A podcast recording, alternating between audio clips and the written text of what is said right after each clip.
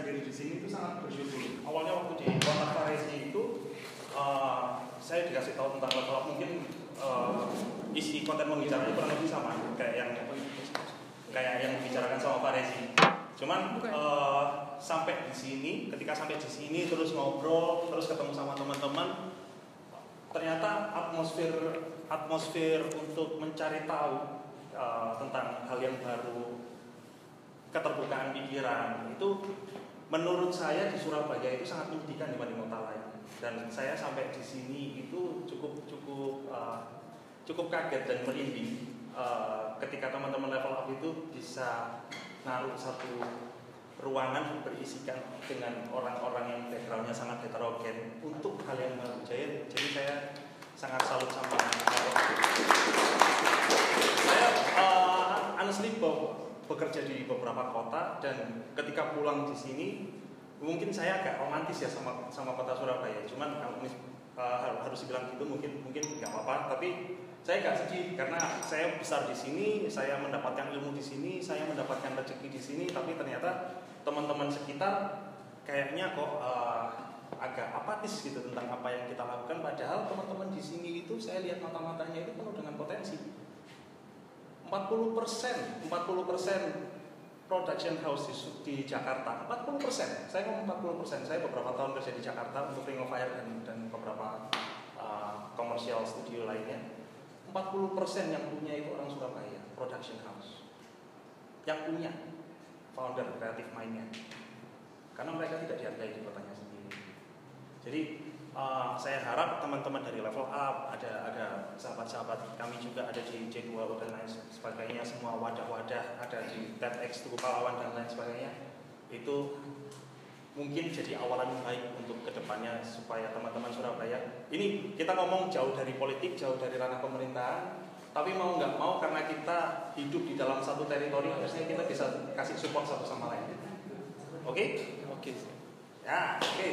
uh, panjang ya intronya nah oke okay, nama saya Samuel Raspadi saya biasanya dipanggil sama teman-teman kerja saya itu biasanya manggil Tommy Tommy itu uh, lahir dari kakak saya. Kakak saya waktu itu saya lahir, terus mereka rapat di satu ruangan ketika ibu saya sudah mulai kesakitan, bukan lampan.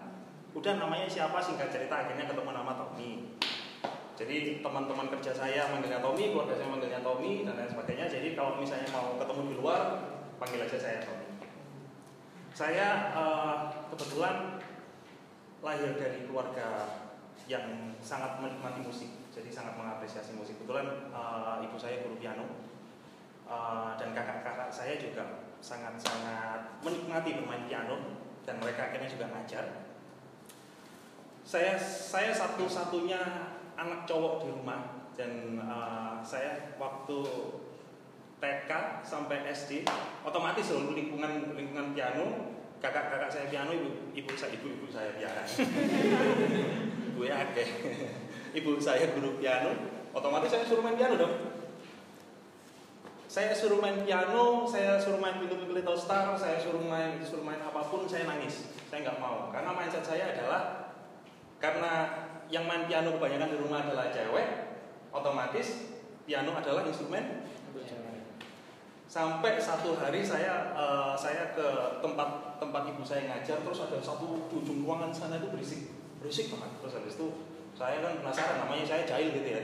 Hari itu ngelihat ada satu ruangan drum saya akhirnya ngomong ke ibu saya saya ingin belajar drum akhirnya dari kelas 2 SD sampai 2 SMP saya belajar drum dan tidak membaca not balok karena saya tidak pintar untuk membaca not balok. Notnya drum not piano sampai sekarang saya saat reading sama sekali tidak bisa sama sekali nggak bisa jadi ibaratnya kalau misalnya uh, kritikus, kritikus yang disleksia. Jadi kritikus yang demensia, kritikus yang tidak bisa membaca. Jadi uh, saya sampai sekarang honestly saya tidak bisa baca not balok. Sampai sekarang saya tidak bisa main bah. Sampai sekarang saya tidak bisa main uh, Tchaikovsky, saya tidak bisa main ya ini nih siapa pun itu. Jari saya masih sekaku jari Anda. Oke? Oke, singkat cerita kenapa kok akhirnya tapi kok saya sampai sini lanjut sampai kelas 2 SMP saya akhirnya dikenalkan ibu saya itu ada ada satu satu kawannya itu guru gitar namanya Pak Anas, nice guy. Pak Anas ngajarin saya gitar posisi yang konservatif sekali ya yang uh, gitarnya ditaruh di atas ini langsung jenengan ini iso kok. Dikongkon ini ya kan? Suruh baca not balok lagi dan saya nggak mau. Lagi-lagi saya waktu belajar drum itu saya akhirnya setiap minggu itu bawa kaset baru. Zaman dulu kan zaman kaset ya. Saya milih lagu saya oh lagu sing kompleks ngono kayak Europe terus gitar pun hal yang sama. Dua pertemuan saya nggak betah akhirnya saya uh, diajuin masih ingat saya di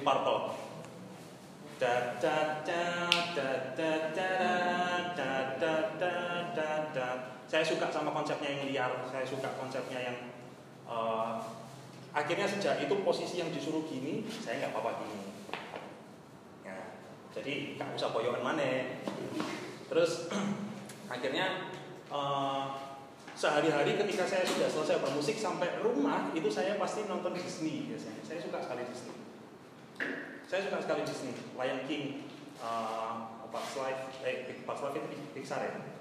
Uh, ya apa pun itu yang animasi. Ya wajar lah anak-anak kecil yang yang suka kartun dan lain sebagainya. Tom and Jerry. Terus uh, sampai SMP pun saya itu masih menikmati yang namanya Disney. Sampai satu ketika saya uh, saya uh, nungguin ibu saya pulang.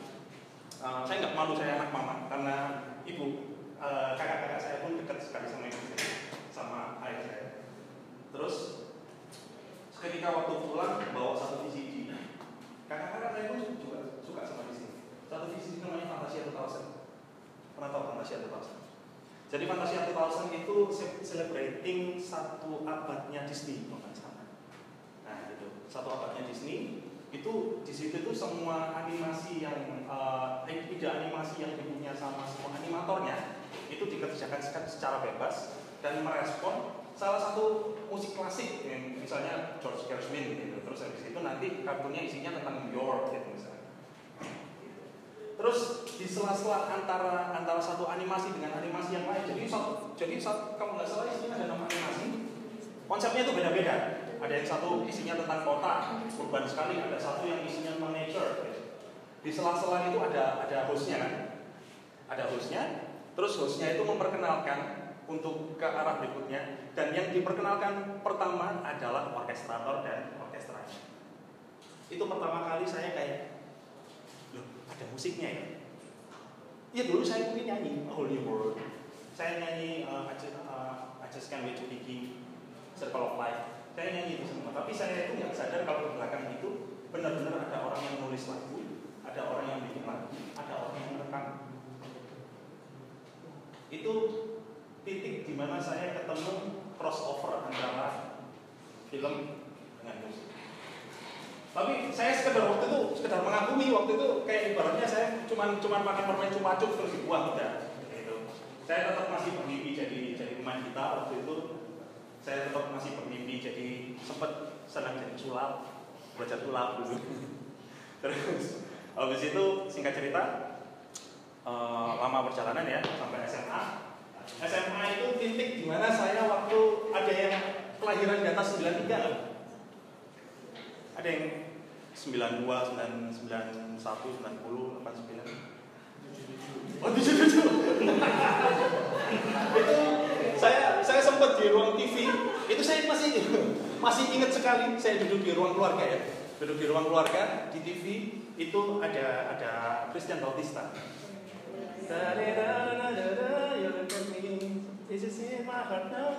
Itu ya tahu ya.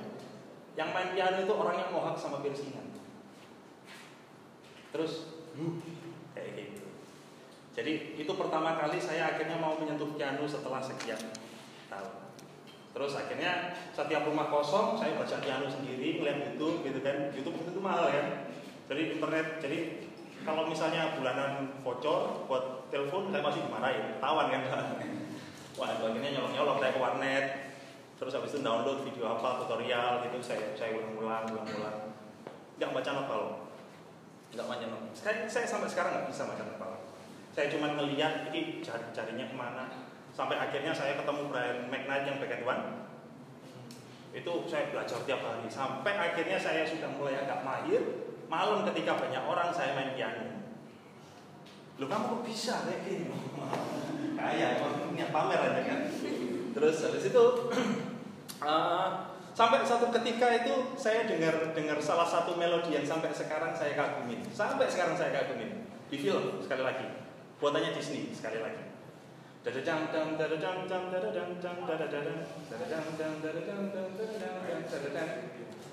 Pirates of Caribbean itu satu-satunya musik yang berhasil menarik saya ngulik apa yang namanya orkestra, apa yang namanya komposer, apa yang namanya uh, apa yang namanya DAW dan lain sebagainya. Sejak itu saya kalau ke internet saya akan browsing yang namanya film komposer, film komposer, tek, tek, tek, karena biasanya tulisannya musik baik kan. Terus habis itu saya pertama ngetiknya di Google itu musik film atau apa ya biasalah berburu keyword, ya kan. Terus akhirnya ketemu salah tiga figur teratas adalah waktu itu adalah John Williams, Hans Zimmer, dan satunya itu John Powell. Ada Ennio Morricone dari Italia. Hans Zimmer ini ternyata konon yang bikin Pirates of Caribbean. Itu pertama kali saya jatuh cinta. Sejak itu saya akhirnya gimana caranya saya ingin melakukan apa yang dia lakukan. Berbekal dari saya mendengar melodi itu dan melodi itu membuat saya merasakan sesuatu. Mbo, mbo kenapa kok mari ngelokno iku tak kendel. Hmm. Ayo. kendel bolos. Ternyata kendel bolos. Bentar ya, lanjut ya. Hmm, hmm.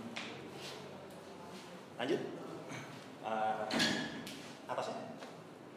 Lagi. Atas lagi. Nah, sebenarnya apa yang saya sampaikan tadi kurang lebih itu hampir hampir sama. Jadi ketika saya pertama kali pertama kali terjun itu saya mulai dari bukan mulai dari nol, bukan mulai dari nol lagi, saya mulai dari minus. Jadi saya dulu nggak punya laptop, saya nggak punya laptop, saya nggak ngerti yang namanya MIDI controller kan. Terus ada salah satu kawan saya yang ternyata hobi kayak gitu. Jadi dia biasanya dulu suka main Fruity Loops. Oh iya. Nah, saya Fruity Loops terus habis itu beberapa kali ngulik yang namanya Cubase. Di Indonesia itu terkenal sekali yang namanya Cubase. Ada yang sudah tahu software-software musik?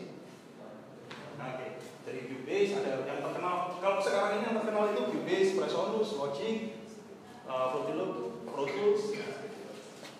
Uh, terus habis itu saya waktu itu nyoba belajar yang namanya Fruity Loops. C minor terus beatnya from the floor, dap dap dap dap dap dikasih shaker, dak cetak cetak cetak alay pokoknya, alay. Kalau dari awal dengerin, dari awal dengerin musik saya itu terus habis itu ada poster saya mungkin pulang ngopo nggak ada musik dulu kok ditekanin memalukan. Saya saya aja kalau mau dengerin lagi malu.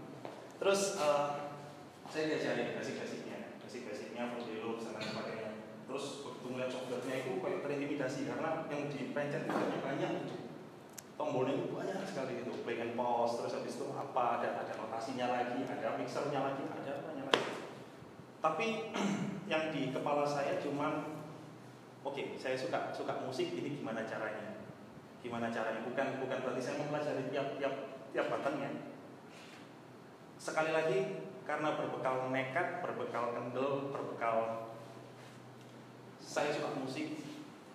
Ya akhirnya nggak tahu kepencet spasi ternyata play nggak tahu kepencet itu ternyata quantize nggak tahu kepencet ini ternyata metronom dan lain sebagainya. Terus teman saya itu juga juga bimbing saya waktu itu.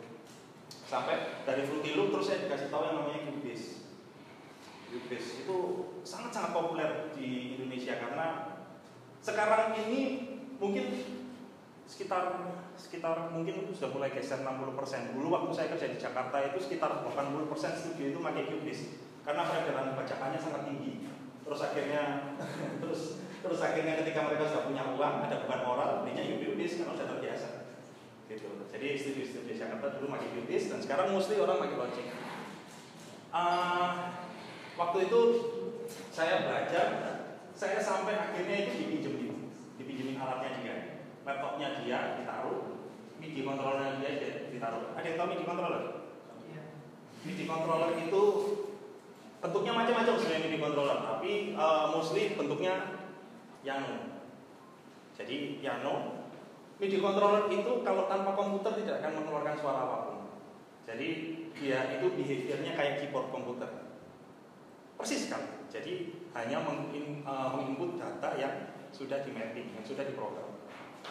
Oke, paham ya sampai sini ya? Oke, saya waktu itu dipinjemin di controller, audio interface, audio interface itu sangkapnya. Nah, untuk untuk bisa keluar ke speaker, terus habis itu laptopnya dipinjemin ke saya.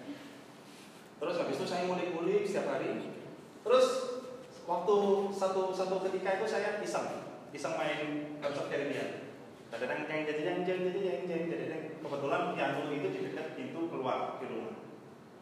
Saya main itu, tiba-tiba ada ngetok, ada motor lewat terus habis itu ngetok. Tanya itu yang main siapa? Namanya siapa? Kenalan. Namaku Tommy. Namanya Doni, Diri Prasetyo sama Lugis Sumarjo. Dan Diri Prasetyo itu sampai sekarang jadi timku untuk mengerjakan proyek mulai dari yang kecil sampai yang komersial. Agak-agak fairy tale ya, tapi memang, memang kayak gitu kayak FTV ya. Uh, dari sejak itu aku mulai berproses sangat-sangat jatuh cinta sama pekerjaan karena setiap hari semakin aku mendapatkan informasi, semakin aku belajar tentang pekerjaanku, semakin aku merasa kecil sekali. Jadi apa yang aku ingin sampaikan adalah setelah sekian lama aku berproses, setelah sekian lama aku berdiskusi sama klien, sama sutradara, kita sama sekali bukan bikin musik untuk project, kita sama sekali bukan bikin musik untuk uang, kita sama sekali bukan bikin musik untuk film, kita bikin musik untuk manusia. Jadi apa pun yang anda lakukan, entah itu menulis novel, entah itu melukis, entah itu berbisnis, entah itu dagang, anda itu mengeluarkan sesuatu untuk manusia. Oke? Okay? Teknologi, masalah teknologi saya tuh sering sering sering banget dapat pertanyaan tentang spek komputernya itu apa sih?